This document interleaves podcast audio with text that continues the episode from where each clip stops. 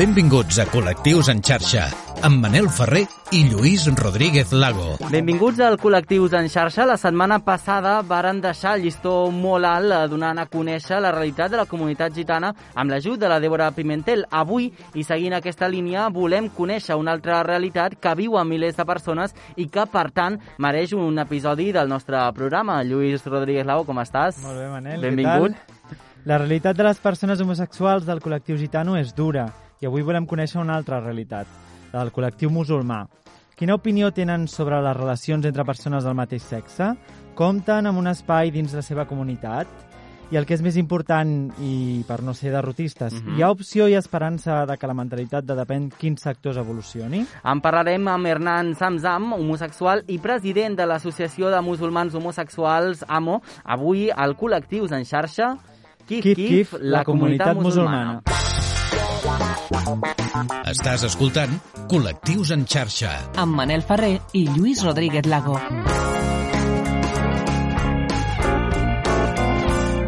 Ja ens surt la frase aquesta junteta i tot, eh, Sí, Lluís? no Eh, sé estem ara, ja eh? molt compenetrats. Això, home, el Carles m'ho deia, m'ho va dir l'altre dia, em diu, cada cop Cada aneu cop més a millor. una, anem més compenetrats, ens agrada. Sí. Com dèiem, a Espanya actualment hi ha 1.858.000 eh, musulmans residents, el que suposa un 3,97% de la població total. Si volem filar encara una mica més prim, a Catalunya hi viuen 564.000 musulmans, sent la comunitat amb major acollida, és a dir, que a Catalunya és on trobem la major concentració i per aquest motiu és més que important conèixer quina opinió tenen en termes generals sobre les persones LGTBI.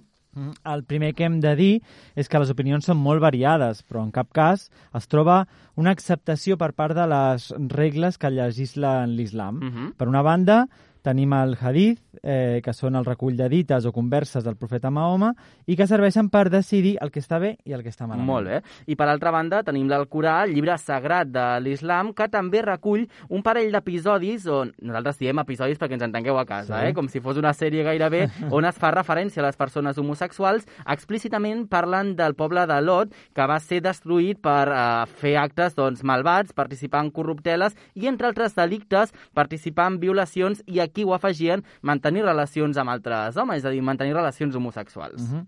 De fet, aquests actes es recullen com a sodomia i això és considerat com un delicte penat. Inclús hi ha països on l'homosexualitat està totalment prohibida.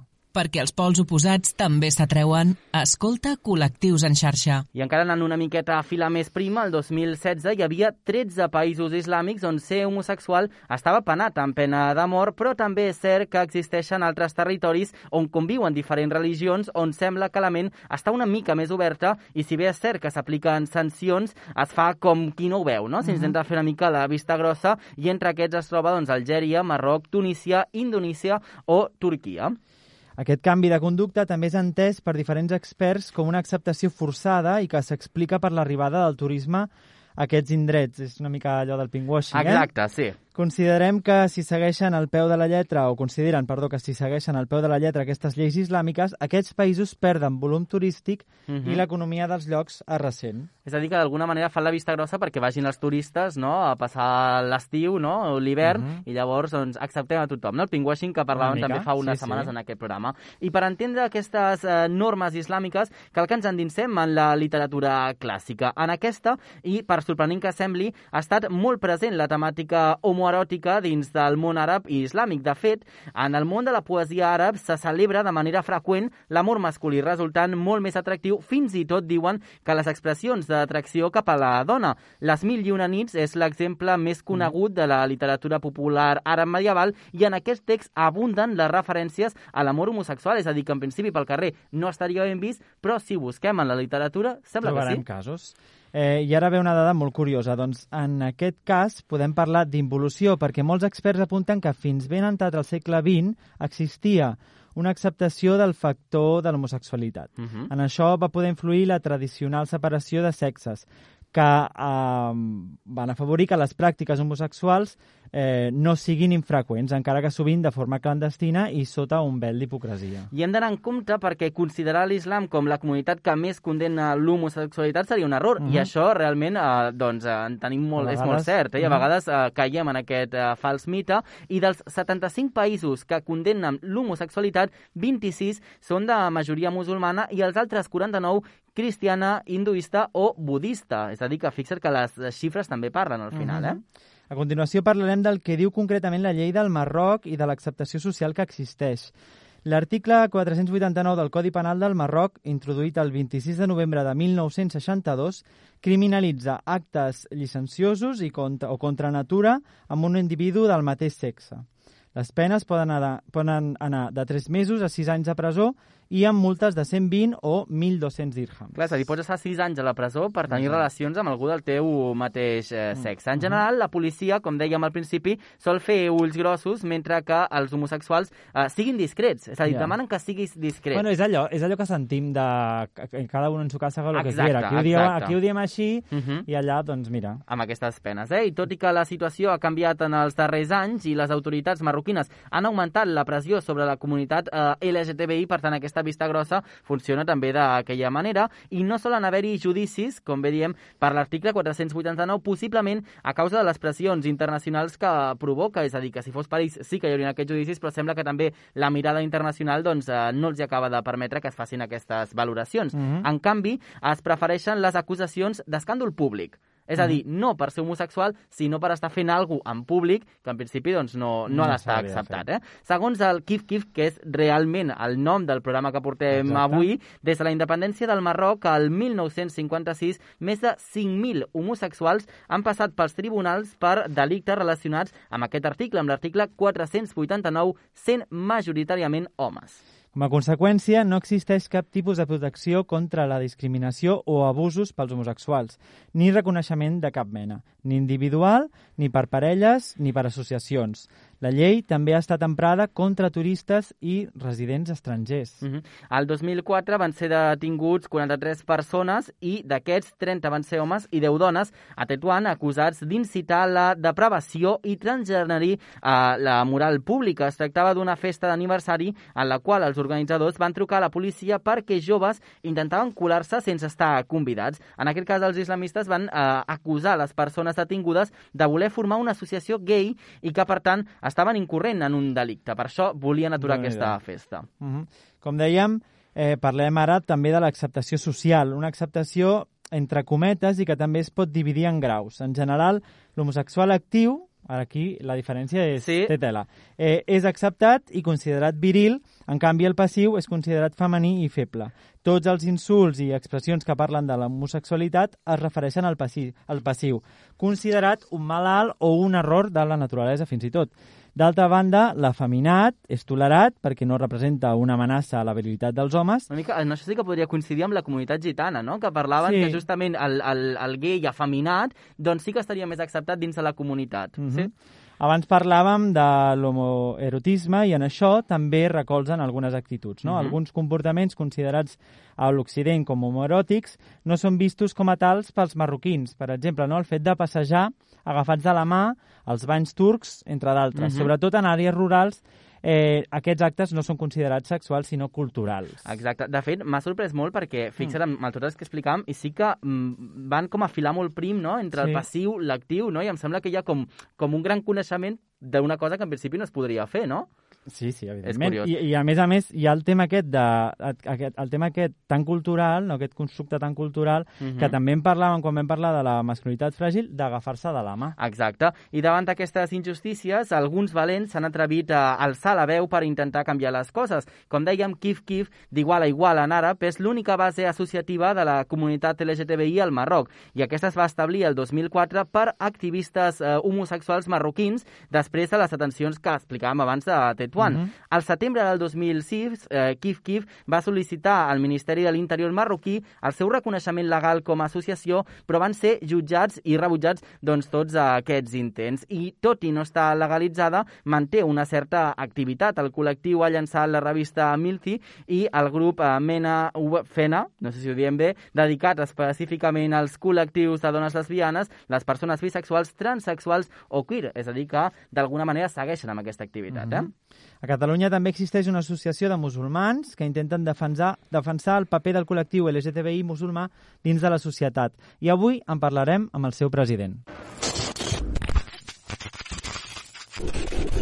Hola, buenas. Mira, l'altre dia vaig escoltar el vostre programa i m'agradaria, sobre la comunitat gitana, i m'agradaria explicar la meva experiència.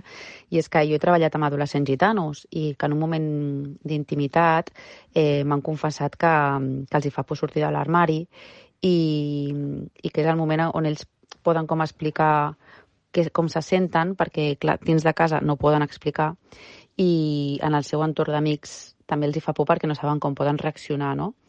Aleshores, eh, clar, en algun moment també m'han fet preguntes sobre, sobre la sexualitat, que jo tampoc sabia si podia respondre o no, perquè, clar, no sabia si després des de casa hi hauria, eh, jo què sé, com podria reaccionar la família, no? Si és que la família s'enterava que jo els havia dit alguna cosa i fins i tot alguns ens deien que, que volien encaminar la seva carrera professional doncs orientada, doncs, per exemple, tenia un nen que em deies que jo vull ser maquillador de morts perquè a mi m'agrada molt maquillar i posar guapa les noies, però, clar, si maquillo una perruqueria, a perruqueria a veure què diran de mi o què pensaran de mi.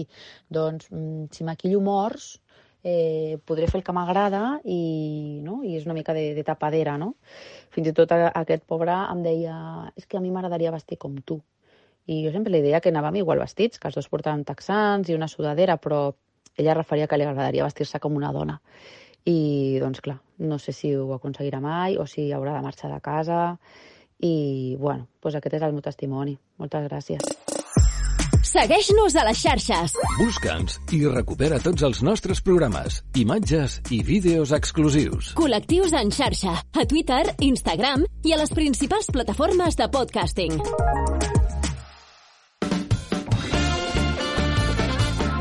Seguim al Col·lectius en xarxa, de dir, Lluís, que ens encanta que ens escrigui la gent, que ens enviï notes d'àudio i que, a més, si diuen que ens escolten, això ja és l'èxit absolut, eh? Com us dèiem i com us hem anunciat al principi del programa, avui comptem amb un convidat d'excepció i que ens ajudarà a treure l'entrellat sobre l'opinió dels musulmans envers el col·lectiu LGTBI i per això saludem a Hernán Samzam, president de l'Associació de Musulmans Homosexuals. Amo, bienvenido, ¿cómo estás, Hernán? Hola, ¿qué tal? Buenas tardes. Buenas tardes y muchas gracias por haber estado con nosotros esta tarde. La primera pregunta y desde tu punto de vista, ¿cómo está visto el colectivo LGTBI dentro de la comunidad musulmana en general? Eh, bastante mal, por lo, por lo que sabemos todos. No, no logramos la integración que queremos porque son dos palabras que no tienen la, la conjunción que se merecen tener. Nunca, eh, nunca han tenido una, una conjugación. Claro, que nunca han, nunca han ido de la mano, ¿no? Estos dos conceptos. Nunca han ido de la mano, exactamente, sí, para hacerlo más, más, más corto. En tu caso, ¿cómo has vivido tu condición sexual dentro de tu religión? Y yo empecé, yo, yo soy converso al, al, Islam. Ajá. Yo empecé siendo católico, yo fui estudiante para sacerdote, después mis agnóstico durante mucho tiempo. Y después encontré el Islam de manera casual investigando los orígenes de mi apellido, Samsam, que es, una, es un nombre sagrado en el Islam. Y después encontré eh, la religión de manera casual y bueno, me terminé enamorando eternamente del Islam y de todo lo que significa su camino, su religión, su manera de vivir y todo lo demás. Parece, parece en, principio, ¿no? O de, buenas a primeras, parecería como, como contradictorio, ¿no? Por, porque al principio nos decías que, que no se establecía esta conexión entre la homosexualidad y el Islam. En cambio, tú eh, hiciste esa conversión desde el... Desde el sí, pero para mí fue mucho más fuerte el hecho de ser musulmán que de ser homosexual. Ya. Yo sabía perfectamente de que el Islam no iba a aceptar mi homosexualidad, pero sabía también de que eh, mi, mi, mi, mi deseo de ser musulmán era mucho más fuerte que mi, mi, mi impronta de ser mus- mi impronta de ser de ser homosexual. Claro, eh, te quería preguntar, ¿en qué momento decides fundar esta asociación? Porque, eh, por lo que sé y por lo que he podido leer, no lo estuvisteis fácil e incluso eh, tuvisteis que llegar a cerrarla durante un, un tiempo. Cuéntanos un poco cómo ha sido el proceso de, de vuestra asociación y también estos mm, altibajos que habéis vivido. Cuando salgo del armario de la asociación, di- digamos, cuando salgo Sí. del armario en la comunidad musulmana, al año de de ser musul, de ser ¿Homosexual? de ser gay muslim, que tenemos una experiencia bastante traumática, que estamos en un lago y yo intento cruzar el lago nadando y casi me ahogo, entonces eh, me logran rescatar y ahí juro de que si salgo vivo me digo toda la verdad, entonces cuando salgo, cuando regreso a los dos días les cuento a mis compañeros musulmanes verdaderamente quién soy y qué, y qué soy. Sí. Me rechazan, por supuesto, me, me, me discriminan, me, me repudian, me- bueno, de todas las formas posibles me, me, me expulsan de la comunidad musulmana de Barcelona en ese momento donde yo vivía Sí. y, y ahí me pongo en internet y empiezo a buscar a mis pares, a mis iguales y me encuentro con un mundo totalmente igual y, y, y comunitario. Encuentras, de- encuentras, encuentras algún apoyo cuando te pones a buscar. Sí, sí, sí, sí, Ah, sí, sí, fue un mundo completamente, eh, ¿cómo te puedo explicar? Claro, supongo Bueno, que... me metí, principalmente Sí. me metí en la web, que ahora ya prácticamente no existe porque te fue cambiando mucho, Ujú. de Web Islam, no sé si la conoces. No la conocemos. Tenía- si has tenido la oportunidad de tratar con ellos, No, no, no nos conocemos. Que, que trates porque es la web de, de- es la web más grande de habla hispana de, del Islam. Ajá. Ujú. Y allí encuentras eh, el apoyo. Y ahí entro mediante, bueno, mediante nick eh, falso, mediante eh, seudónimos completamente, mediante eh, eh, eh, formas de, de intentar conocernos con dos mil contraseñas y medidas de prevención que rozan lo absurdo y ahí logré conocer gente que éramos iguales de, de gay, o gay, mu- gay musulmanes. Y bueno y entonces ahí empezó a nacer la idea de, de, de- de- de grupo primero no, no teníamos ni idea de lo que era una asociación ni nada pero éramos un grupo de gente éramos cinco o seis nada más éramos todos gay y después se sumaron dos chicas Ajá.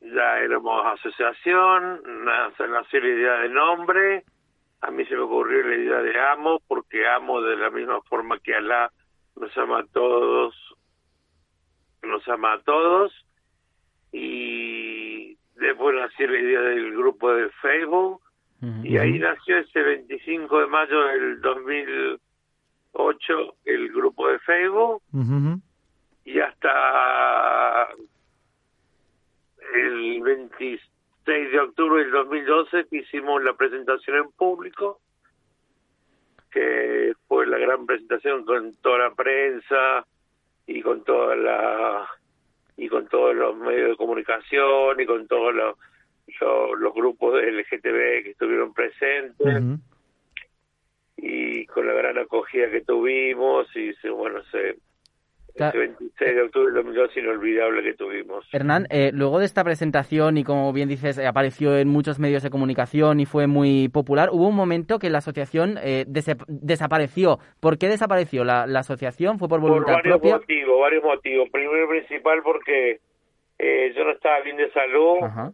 y entró una persona nefasta en la asociación que se encargó de dinamitar la, la asociación Sí. Y que después nos enteramos que esto fue mandada por otros organismos eh, gubernamentales para que desapareciéramos. Eh, porque a mí me habían amenazado de muerte habían me habían me habían escrito en una factura de teléfono con letras cortadas de periódico deja amo te mato y estaba recibiendo llamadas por teléfono todas las noches con respiraciones entrecortadas y llantos de bebé grabados por supuesto eh, al teléfono mío personal no al de amo sino al mío personal y Claro, pero eh. todas las noches todas las noches la misma historia todas las noches Hernán, por lo que me estás contando y por estas eh, llamadas y que yo además eh, en los días previos que he hecho la producción también he tenido que llamarte en una ocasión y también pues vi que también hay pues esta prudencia por tu parte que lógicamente la entiendo, ¿no? Después de lo que nos estabas contando. Entonces, podríamos decir que existe una mm, persecución por algunos sectores concretos de todas las personas que son homosexuales en vuestro colectivo, es decir, ¿se sigue persiguiendo aún a la, a la gente por su condición sexual? sí Sí. Sí, y más cuando la condición sexual viene acompañada de una condición religiosa. Claro, claro. Hernán, una de las cosas Y que más más... cuando esa condición religiosa Sí, es islámica. claro. Una de las cosas que más nos ha sorprendido en este análisis que hemos hecho durante este rato eh, ha sido la pena de muerte que hay aún en algunos eh, países por la condición eh, sexual. Es una cosa que realmente... En ocho países hay pena de muerte actualmente. Claro, es una cosa que a nosotros, por suerte, eh, mm, vamos, no nos pasa, pero claro, eh, sorprende mucho que aún haya gente que tenga que vivir escondida por su condición sexual, ¿no? Y, y- al sí, final lo que está queriendo hacer es querer a una persona y querer también a, a una creencia religiosa, ¿no? Sí, esa es una lacra social que tenemos que que tenemos que de alguna forma erradicar.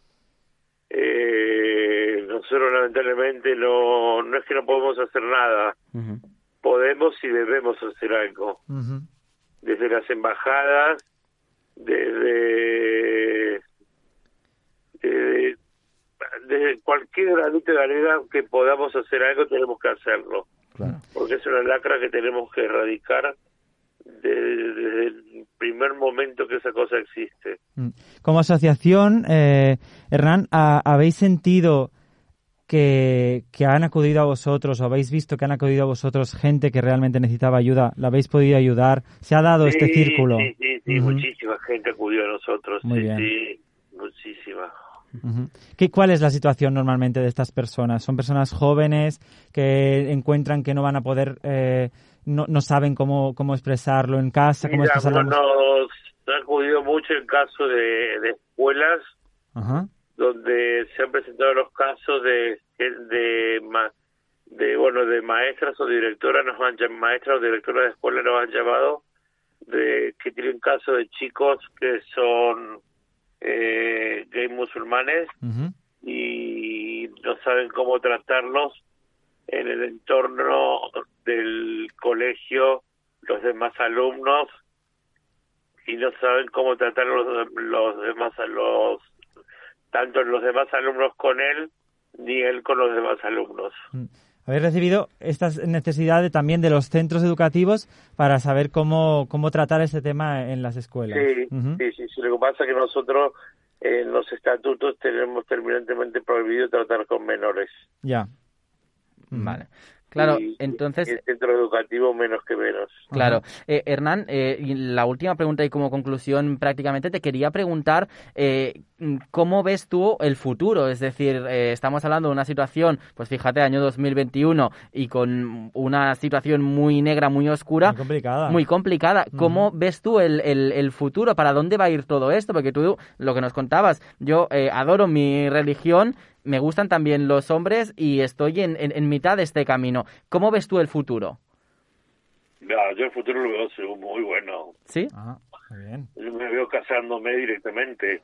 Qué No bonito. sé si sabías, si has leído las entrevistas que he dado, Sí, pero si hay un imam o un dirigente religioso que quiera y permita casarme a mí con un hombre, es, va, va a ser el primer casamiento legal con derecho a un matrimonio legal en España y en el, en el mundo, por primera vez en el mundo, de un matrimonio homosexual. Pues si esto pasa y esperamos que, que así sea, Hernán, eh, volveremos a hablar contigo porque entonces será noticia y querrá decir que las cosas poco a poco van cambiando. Yo te quería agradecer que, que hayas estado este Bueno, rato con hay nosotros. Un, hay un dirigente religioso, Sí. no quiero eh, espantarlo, Sí. pero hay un dirigente religioso que está un poquito convencido. Por la labor. Bueno. Sí. Nos gusta, nos gusta escuchar esto. Hernán, muchas gracias por habernos concedido esta entrevista. Sé que últimamente has dado muy pocas, entonces que hayas estado con nosotros, pues te lo agradezco. Muchísimas gracias y hasta la Gracias. próxima. Muchas gracias a ustedes y que la paz los acompañe. Gràcies. Uau, quin testimoni, eh? Lluís, el de l'Hernán és un testimoni pausat, eh? Sí. Que l'hem d'anar escoltant eh, a poc a poc, eh, però ens dona bases molt clares, no? Al final, la tessitura aquesta, la que et trobes, de, eh, que et dones compte que t'agraden els homes, no?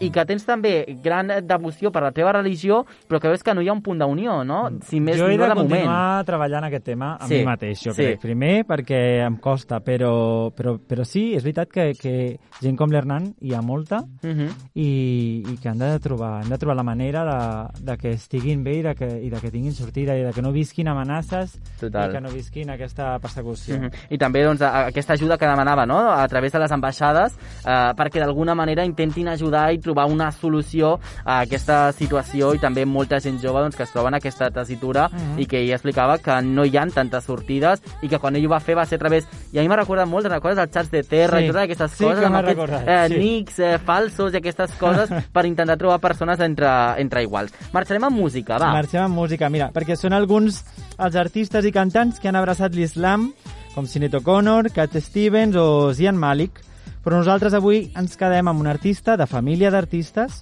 que el 18 de novembre de 1997 publicava Together Again. Estem parlant de l'eterna Janet Jackson. Molt bé, doncs amb ella marxarem, com sempre a les vies de so i a l'edició tècnica en Carles Soler acompanyant-nos i en aquesta copresentació i coedició a Lluís Rodríguez Lago i que us parla Manel Ferrer. Tornarem la propera setmana a la vostra ràdio local i també en versió podcast. Que ho passeu molt bé. Adeu. Adéu.